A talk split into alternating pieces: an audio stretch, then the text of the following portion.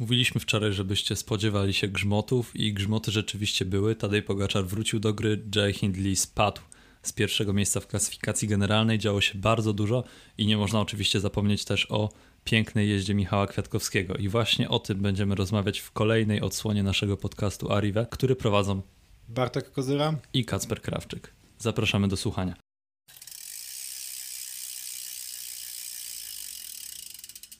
Okania miał obsesję na punkcie żółtej barwy. Zawsze, gdy się nie ścigał, miał na sobie coś żółtego. I na podium w Marsylii Okania także był ubrany w żółtą koszulkę. Ale nie tylko koszulkę, jak stwierdził naocznie Wachtmans. Żółta była też twarz Hiszpana. Jego twarz była kompletnie pozbawiona koloru. Stracił tego dnia za dużo energii. Kiedy Merckx zszedł z podium, zatrzymałem go i powiedziałem Eddie, w tym Tour de France Okania jest już spalony. Zaufaj mi. Niestety nie wiemy, jak, jak dzisiaj wyglądała e, twarz Jonasa Winego na podium, bo gdy bo gdy zapowiadano jego wejście e, na transmisji Eurosportu, to ty zadzwoniłeś do drzwi, musiałem ci otworzyć, więc niestety go nie widziałem. E, natomiast spodziewam się, że również mogła być żółta, ponieważ Winego dzisiaj na pewno był w dużo gorszym nastroju niż, niż wczoraj. No tak, bo pojechał nieco gorzej, chociaż był bardzo zmotywowany, żeby wykorzystać ewentualną słabość Tadeja Pogaczara, bo bez tego nie zdecydowałby się na atak już na Col du Tourmalet ale ogólnie ten etap myślę, że tak jak wczorajszy, może niekoniecznie przejdzie do historii, tak że będą go wspominać za 30 lat, ale jak będziemy myśleć o tym Tour de France, to na pewno ten etap będzie się pojawiał jako jeden z tych y, kluczowych. Być może, no bo jakby nie było Pogaczar, który, który tak jak y, wczoraj mi napisałeś, był już na deskach, y, teraz się podniósł i pokazał, że znów może walczyć i rzeczywiście będzie ten teatr dwóch aktorów i tymi dwoma aktorami będą Pogaczar i, i właśnie Duńczyk. No, ja jestem przekonany, że ten etap, no może nie jestem całkiem przekonany, że ten etap przejdzie do historii, bo no patrząc na to, jak, jak ten tour się rozwija i na to, że mamy dopiero sześć etapów za sobą, a już y, pojawiły się dwa takie etapy, które mogą przejść do historii, to nie jest powiedziane, że kolejne etapy nie będą równie ciekawe, a, a trudno, trudno, żeby podczas jednego turu było 6, 7, 8 etapów, które przejdą do historii. No, aż tak dobrze to nie ma. I, prędzej czy później na tłoku tych legendarnych etapów, które e, wniosły tak dużo do klasyfikacji generalnej i przyniosło tyle emocji, które zostaną zapomniane. Także nie chcę niczego przesądzać. Mam nadzieję, że faktycznie będzie tak, że, jeszcze, że pojawią się jeszcze ciekawsze etapy, no ale ale no, przejdzie no, do polskiej historii. tak, o tym, o tym jeszcze powiemy. Natomiast no, ten etap był kosmiczny i niesamowicie ciekawy, no bo przecież to jest wspaniała historia, że no kolarz, który wraca po kontuzji, który wczoraj nie wyglądał słabo, bo ciężko powiedzieć, że wyglądał, że kolarz, który y, tak naprawdę przyjechał do mety chyba jako trzeci kolarz spośród faworytów klasyfikacji generalnej, y, miał słabszy dzień. No nie było tak raczej. Y, miał całkiem dobry dzień, ale w porównaniu do Jonasa Winego to, no to był cieniem. A dzisiaj... No i w porównaniu do swoich zwykłych dni. No tak, do swoich zwykłych dni też był cieniem. No i nagle przyjeżdża, przychodzi ten decydujący podjazd dzisiaj. Po kolejnym takim etapie przejechanym dość spokojnie, po turma, bo na Turmale to, to on znowu się nie wychylał. No i co? No i atakuje i tam odjeżdża błyskawicznie winnego na to, to kilka sekund. Potem, e, jeśli wierzyć grafice, to ta próżnica się utrzymuje przez powiedzmy, że dłuższy czas, jeśli można powiedzieć e, przez dłuższy czas o, o odcinku, który trwał pewnie 200 metrów, a potem nagle jeszcze raz widzimy różnicę i ona wynosi pół minuty. No to, to, był, to był odlot, mhm. zupełny odlot, zupełnie tak jak, jak ten etap e, e, Tour de France 1971 kończący się w Marsylii, choć wiadomo, że tamten etap miał trochę inny profil i troszkę inny przebieg, ale też był tamten wyczyn Merksa i jego ekipy równie imponujący. Nawiązuje do, akurat do tego etapu, bo e, fragment, który przytoczyłem na wstępie, pochodził właśnie z, e, z książki Eddie Merckx Cannibal i to był fragment e, właśnie opowiadający o przebiegu tamtego etapu, o, raczej o tym, co się działo po jego zakończeniu. No nie, ja jestem pod wrażeniem tego, co, co się dzieje na tym wyścigu, tak generalnie tego, co dzisiaj zrobił Pogaczar. No ja byłem szczególnie i myślę, że każdy był pod wrażeniem tego ostatniego ataku Pogaczara, ponieważ to w jaki sposób on tak nagle się wyrwał do przodu, to naprawdę aż spowodowało, że, że mnie to tak wgniotło w fotel, jak on ruszył, bo on naprawdę wystrzelił i, i w mgnieniu oka się oderwał od tego Wingegarda. Tam w ogóle nie było nawet, znaczy no wiadomo, że, że Jonas też przyspieszył, ale nie było mowy o wskoczeniu na koło Słoweńca, tylko po prostu e, to jakbym potrafił, to bym stryknął palcem. To właśnie tak e, Pogaczar oderwał się od e, Wingegorda. I to w ogóle było to tyle niesamowite, że no pamiętamy ubiegłoroczną edycję i to, że on raz mu się chyba nawet udało oderwać od winnego, nie wiem czy to było na e, na, no, na tym stromym, mega stromym podjeździe, Mentem, Mende, nie pamiętam jak, mm. jak to się tam nazywało. On tam na moment się od niego oderwał, no ale zaraz potem winnego doskoczył mu do koła i ostatecznie dojechali razem, a tak to chyba ani na moment nie był w stanie mu się oderwać. Ani podczas tamtej edycji, ani podczas tej edycji w tym kraju Basków też nie mógł zgubić winnego, a tutaj nagle skoczył. Ja na początku myślałem, że że to znowu się skończy tak, że może Pogaczar się oderwie na te 3 sekundy moment, ale potem winnego, e, winnego do niego doskoczy. Zresztą tam był chyba taki moment, że ta różnica malała. Znowu, jeśli wierzyć e, tym grafikom e, Eurosportu, nie wiem na ile one są wiarygodne, szczerze mówiąc. Może są, nie mam pojęcia.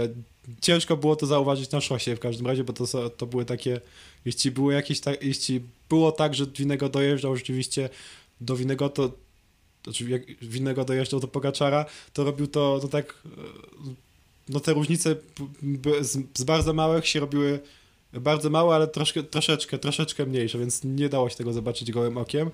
Natomiast no, nie no, kapitalne to było, że w końcu, że w końcu się Pogaczarowi udało zgubić rywala po raz pierwszy od, e, jeśli chodzi o Tour de France, to po raz pierwszy od, no, od dwóch lat. No i też e, o wiele bardziej imponujące to było, jeżeli spojrzymy na to też w perspektywie Czekaj, nie, wczorajszego nie, etapu. Nie, nie, nie po raz pierwszy od dwóch lat, bo przecież w zeszłym roku były takie etapy na początku, że trochę mu odskakiwał. No, mów Tak, teraz. ale jeżeli popatrzymy na to, co się działo wczoraj, no to ten atak Pogaczara był jeszcze bardziej niewiarygodny, ponieważ no, ja dzisiaj się nastawiałem na to, że Pogaczar straci szansę na walkę z Winigo i dostanie od niego, nie wiem, dwie minuty po właśnie takiej akcji, jaką Jumbo Visma przeprowadziło, bo, bo czegoś takiego się spodziewałem, że spróbują go przetestować na Koldu Turmale.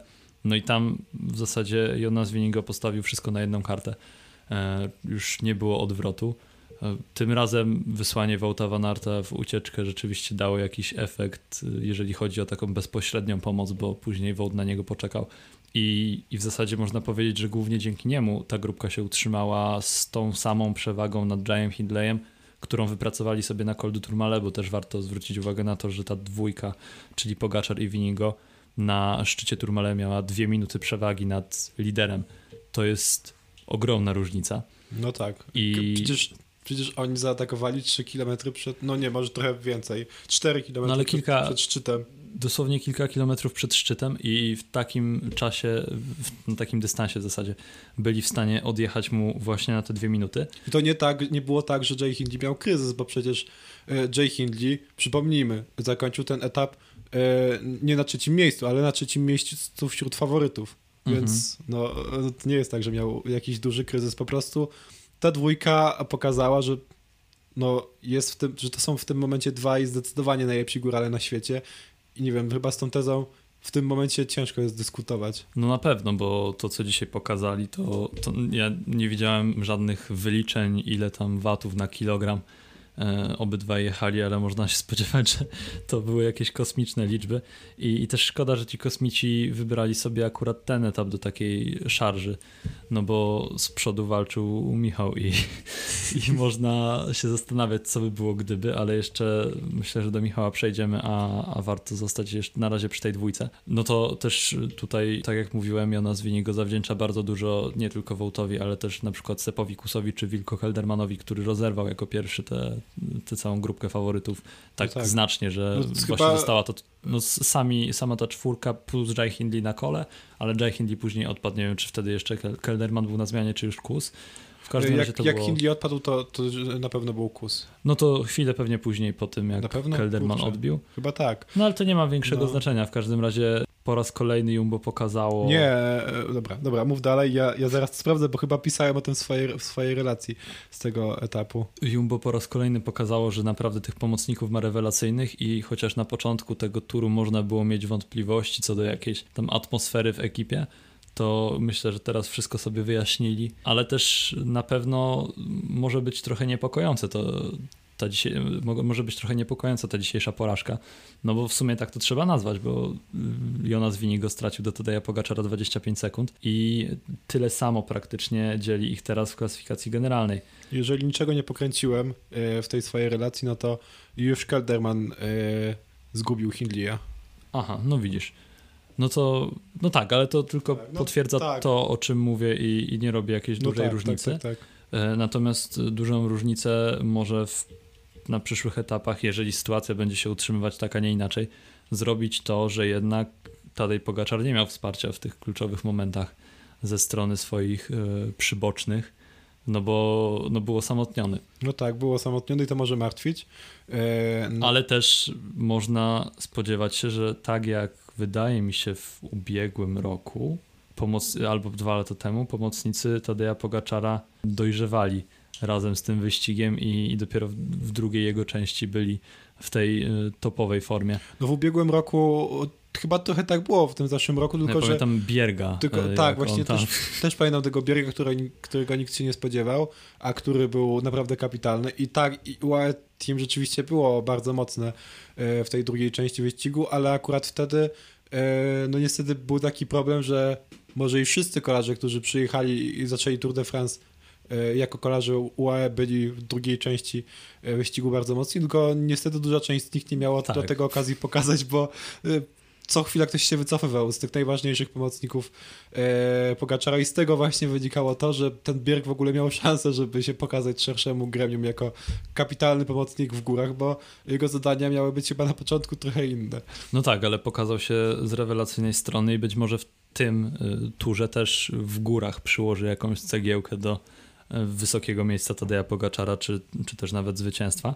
I też myślę, że warto pamiętać o tym, e, że to, jak ten etap wyglądał, to może nawet nie być do końca tak, nie wynikać do końca z tego, że UAE dzisiaj nie miało swojego dnia, tylko po prostu no, wczoraj UAE wykonało dużo dobrej roboty, która ostatecznie nie przyniosła oszałamiających skutków, bo ani Hindleya nie udało się dogonić, ani, ani później Pogaczary nie miał na tyle mocnej nogi, żeby no jakoś powiedzmy odwdzięczyć się tym kolegom za, za swoją pracę i nadrobić choćby na tym, nad tym winnego, ale no dzisiaj to Jumbo zależało na tym, żeby ewidentnie zależało im na tym, żeby to tempo było wysokie, żeby Pogaczara, który ma swój dzień wgnieść w ziemię, wykorzystać to, to, że jeszcze najwyraźniej nie doszedł do siebie po kontuzji, jak mogło im się wydawać.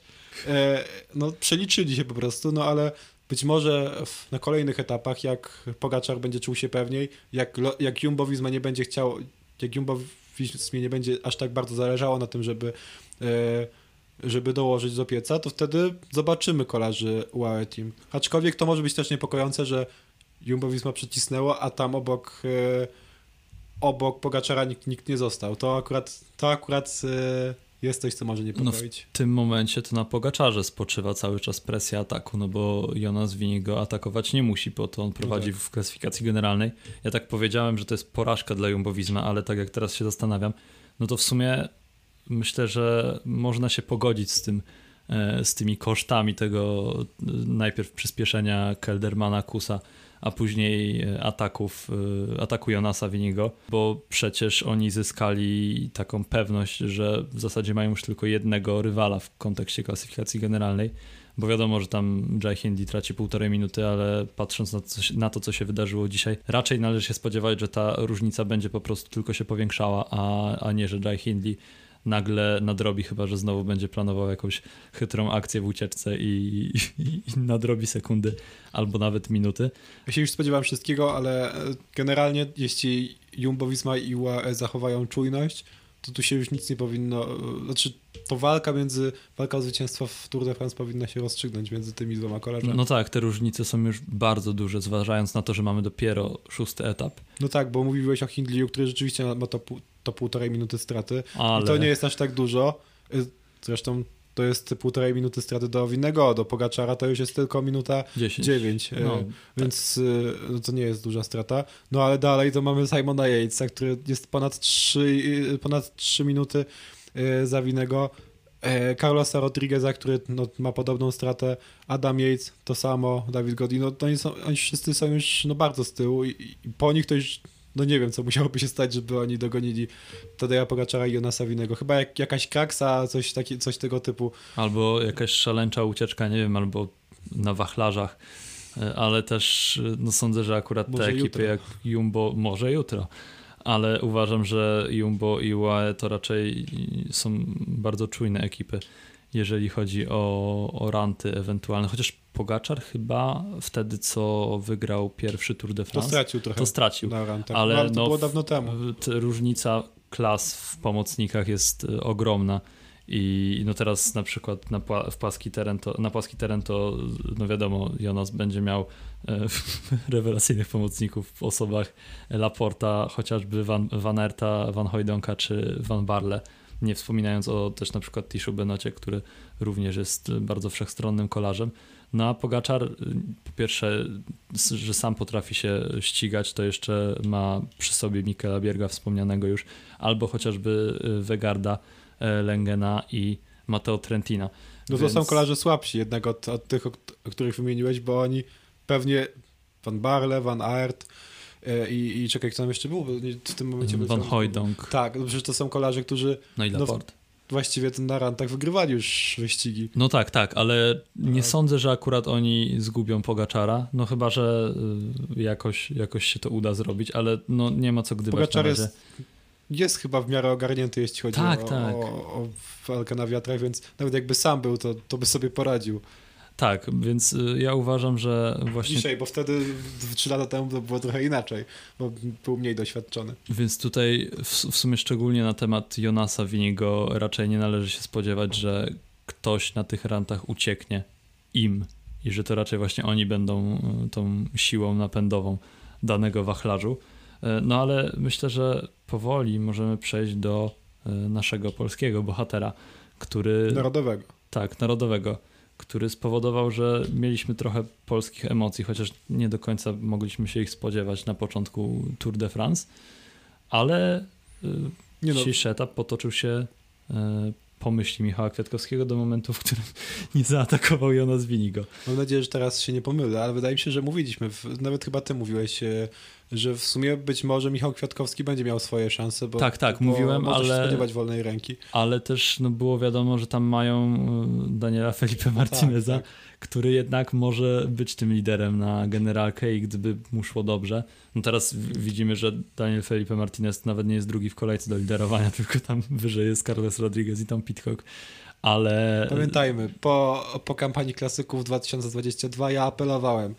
Daniel Felipe Martinez na lidera e, zespołu na Tour de France. Niestety się trochę przeliczyłem. no ja mówiłem od samego początku, y, od, od urodzenia mówiłem, że Daniel Felipe Martinez nie będzie dobrym liderem i na razie się sprawdza.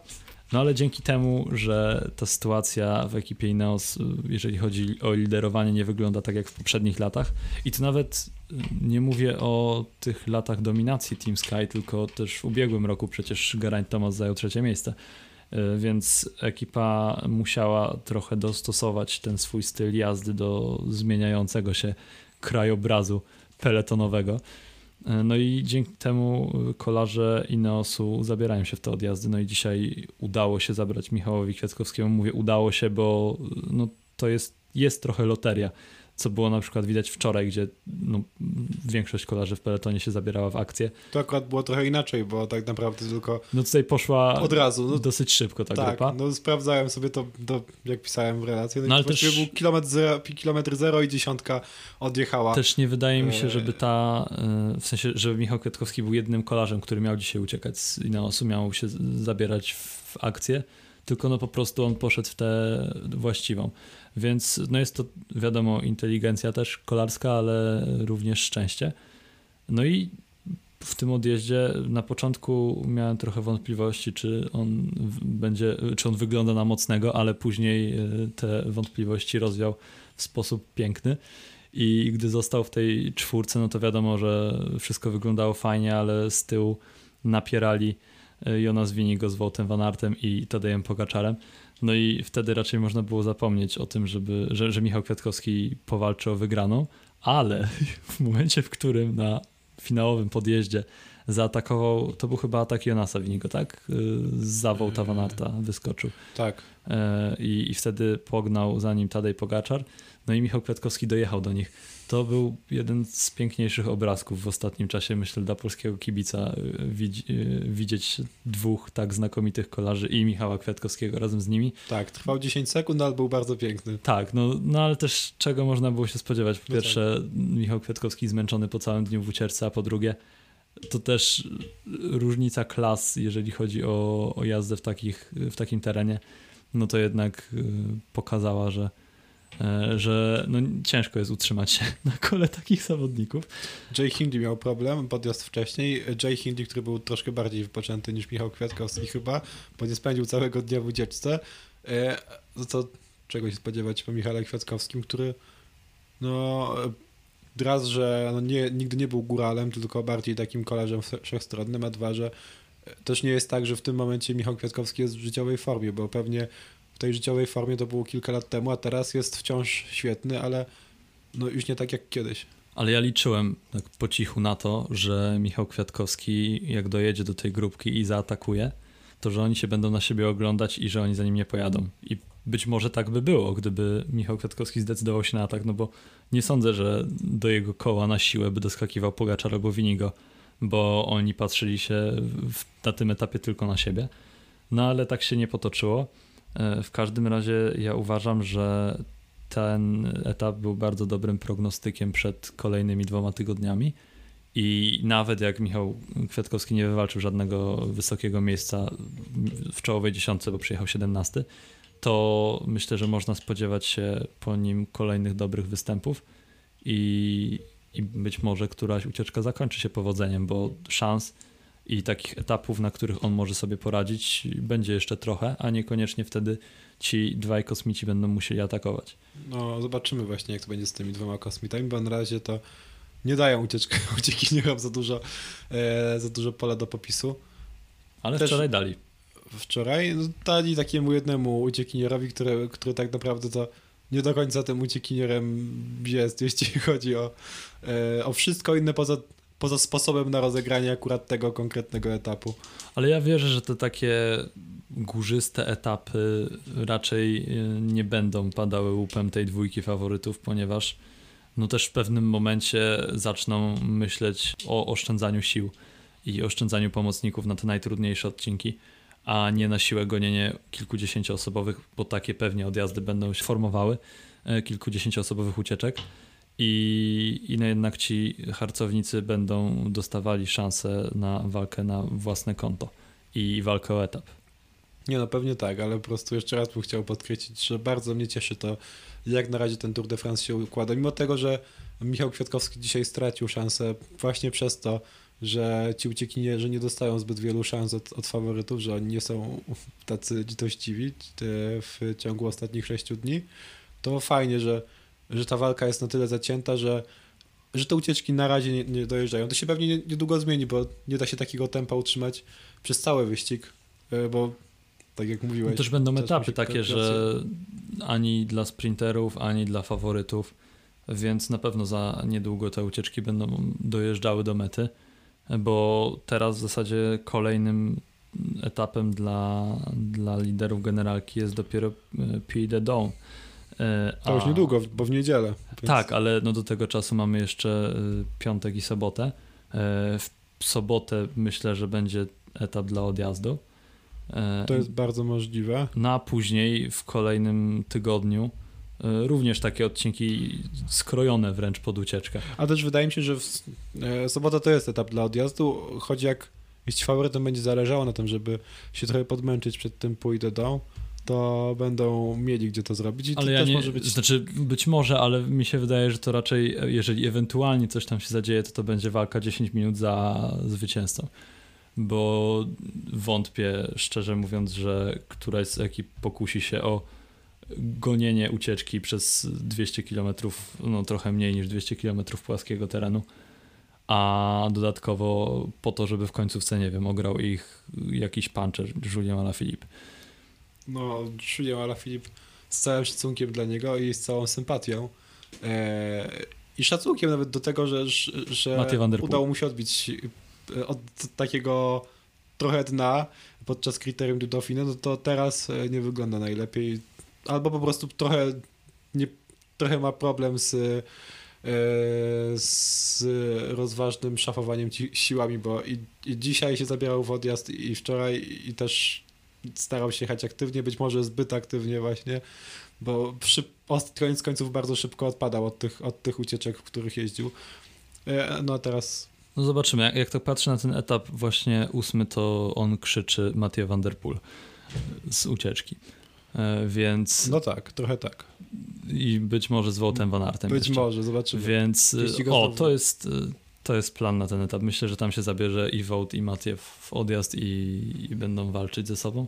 To też by była taka fajna rywalizacja, niekoniecznie o generalkę, ale, ale taka poboczna którą no tak. mogli, moglibyśmy się ekscytować. E, no ale myślę, że te szanse dla ucieczki przyjdą i Michał Kwiatkowski również e, jeszcze się pokaże z bardzo dobrej strony w tym wyścigu, no bo no, ekipa Ineos Grenadiers, mimo tego, że ma dwóch liderów w tym momencie na generalkę, nie sądzę, że na każdym etapie będzie potrzebowała sześciu pomocników. Kogo ma, jak, jakich tych dwóch liderów No ma? Carlosa Rodrigueza i Toma Pitcocka i to mówię w pełni a co, poważnie. A co mówiłem przed wyścigiem, że Tom Pitcock ma szansę w klasyfikacji generalnej. Znaczy, no, szansę na top 10 ma, ale na top 3 i top, top 5 nie, raczej no, nie. To prawda. Ale e, tak, cieszę się, że e, miałem rację. No to ja, ja też się bardzo cieszę. I Bartku, zostało nam 4 minuty. Dobrze. Więc co ty na to, żeby porozmawiać trochę o jutrzejszym etapie i o tym, no nawet już mniej niż 4 minuty, i o tym, czy Jasper Philipsen ustrzeli hat-tricka. No, ja nie widzę innej możliwości. No widzisz. E, no to... Sam Bennett może go pokonać, ewentualnie, bo dzisiaj już wygrał. A nie, czekaj, on jest w Rumunii teraz, a nie w Tour de France. O nie, no to nie wygra. George Meus może w takim razie. Ja wydaje, wydaje mi się, że akurat Bora niestety nie będzie miał wielu sukcesów na płaskich etapach w tym, tym turze, a szkoda, bo... Choć wysłała kilku kolarzy, którzy mogliby o ten sukces na płaskim et e, etapie się postarać, ale dla któregoś z e, mocnych sprinterów, których niestety Bora nie ma. Bora Mogliby rozprowadzać Marka Cavendisha. Tak, no to jest taki skład, że koszulki nawet podobne, tak, tak na upartego. Nie no, ja sądzę, że jutro też Jasper Philipsen po raz trzeci bo to jak jeździ Alpesin w końcówkach, wiadomo, że tam bywa trochę nieczysto, bo i, i to nawet nie, nie, że opinia, tylko no, pierwszego dnia chyba Sinkeldam dostał karę, drugiego dnia y, dostał karę Vanderpool razem z relegacją, no tak. więc to jest y, myślę obiektywne. To że... była tragedia dla Alpecin Phoenix, że ten tak. Vanderpool dostał. Ale właśnie, karę. to jest ciekawe, bo pojawił się temat, że, powin, że powinno się zastosować taką metodę jakby e, wziętą z piłki nożnej kartek, że nie ma tak, że można dostawać relegację w kółko, tylko jedna relegacja to jest żółta kartka, druga relegacja to jest dyskwalifikacja. I, i to ma sens, ponieważ no, pomocnicy mogą robić nie wiadomo jakie rzeczy. To prawda. I bo... liderzy nie są za to w ogóle karani. I to jest jasne, lider nie może być karany za coś, co jest zupełnie niezależne od niego, ale z drugiej strony to może prowadzić do bardzo patologicznych sytuacji. No tak, myślę, że ta reguła kartek byłaby całkiem, całkiem w porządku, no bo no właściwie to mogłoby dojść w końcu do takiego, do takiego precedensu, że jakiś że jakiś pomocnik, może nie Mathieu van der Poel, bo on by za dużo ryzykował, ale no Ramon Sinkeldam na przykład, po prostu zacznie finiszować, widzi, że zacznie, zacznie finiszować, zacznie rozprowadzać swojego lidera, będzie przejeżdżał obok kolarza, e, no dajmy na to Marka Cavendisha. Tak mocno trąci go łokciem, żeby go wywrócić, bo wie, że... Nie, no to już pod dyskwalifikację by podchodziło raczej. E, to prawda, ale no co, wykluczą Rama na Sinkeldama, ale Jasper Philipsen straci groźnego rywala w walce o zwycięstwo. Tylko potem nie będzie miał rozprowadzającego. To może ktoś, kto jest trochę mniej przydatny. No tak. By coś takiego zrobił. No nie wiem, czy, czy takie zachowania by, by miały sens i czy by miały miejsce, ale myślę, że na tym możemy postawić kropkę i możemy przejść do naszego ulubionego segmentu, czyli typowań i tym razem to grono, myślę, faworytów do zwycięstwa jest troszeczkę mniejsze niż dzisiaj. Dzisiaj to ty, wylosowałeś, dzisiaj to ty wylosowałeś Jaspera Philipsena, bo ty e, zaczynasz. Y, dobrze, to ja biorę Jaspera Philipsena w takim razie. Skoro ty bierzesz Jaspera Philipsena, to ja mówię mm, Mark Cavendish wygrał kiedyś w Bordeaux, więc może zamienić... Jutro start jest w Bordeaux. Tak. Czekaj. jutro jest start Bordeaux, ale, ale w takim razie się skompromitowałem w tym momencie. Nie, jutro jest meta w Bordeaux. O, no to widzisz. To Mark Cavendish chyba wygrał w, e, w Bordeaux kiedyś. Przynajmniej O. tak mówili komentatorzy. To ten e, wiatr będzie mocniejszy niż myślałem. Jeżeli jest to meta w Bordeaux. Bo tak patrzyłem na tę mapkę i myślałem, że start jest w Bordeaux. A no, Niespodzianka. no tak, czyli Mark Cavendish wygrywa w Bordeaux po raz drugi, tak? E, no tak, no jak, e, jak poprzednio typowaliśmy etap sprinterski, to ty powiedziałeś o Marku Cavendishu, ja, ja o Philipsenie, teraz jest na odwrót, bo po prostu inaczej e, inaczej e, wylosowaliśmy kolejność. Tak. I tak będzie do końca Typowania. sprinterskich etapów Tour de France. Zobaczymy, kto wylosuje Jaspera Philipsena, kto Marka Cavendisha. I czy Mark Cavendish wygra? Właśnie, napiszcie nam w komentarzach, czy Mark Cavendish pobije w tym roku e, rekord Merksa i dlaczego. Tak. Albo dlaczego nie? koniecznie. Nie, by- nie obiecujemy, że przeczytamy te komentarze. Jeśli koledzy będą nas tak rozpieszczać, jak robili to w ostatnich dniach, to prawdopodobnie wasze komentarze e, na zawsze pozostaną jedynie w wersji e, pisemnej. Natomiast jeśli e, kolejne etapy będą nudne, to być może doczekają się przeczytania.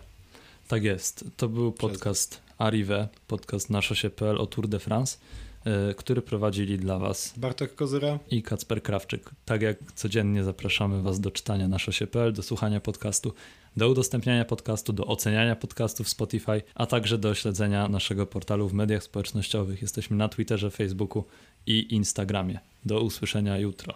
do zobaczenia.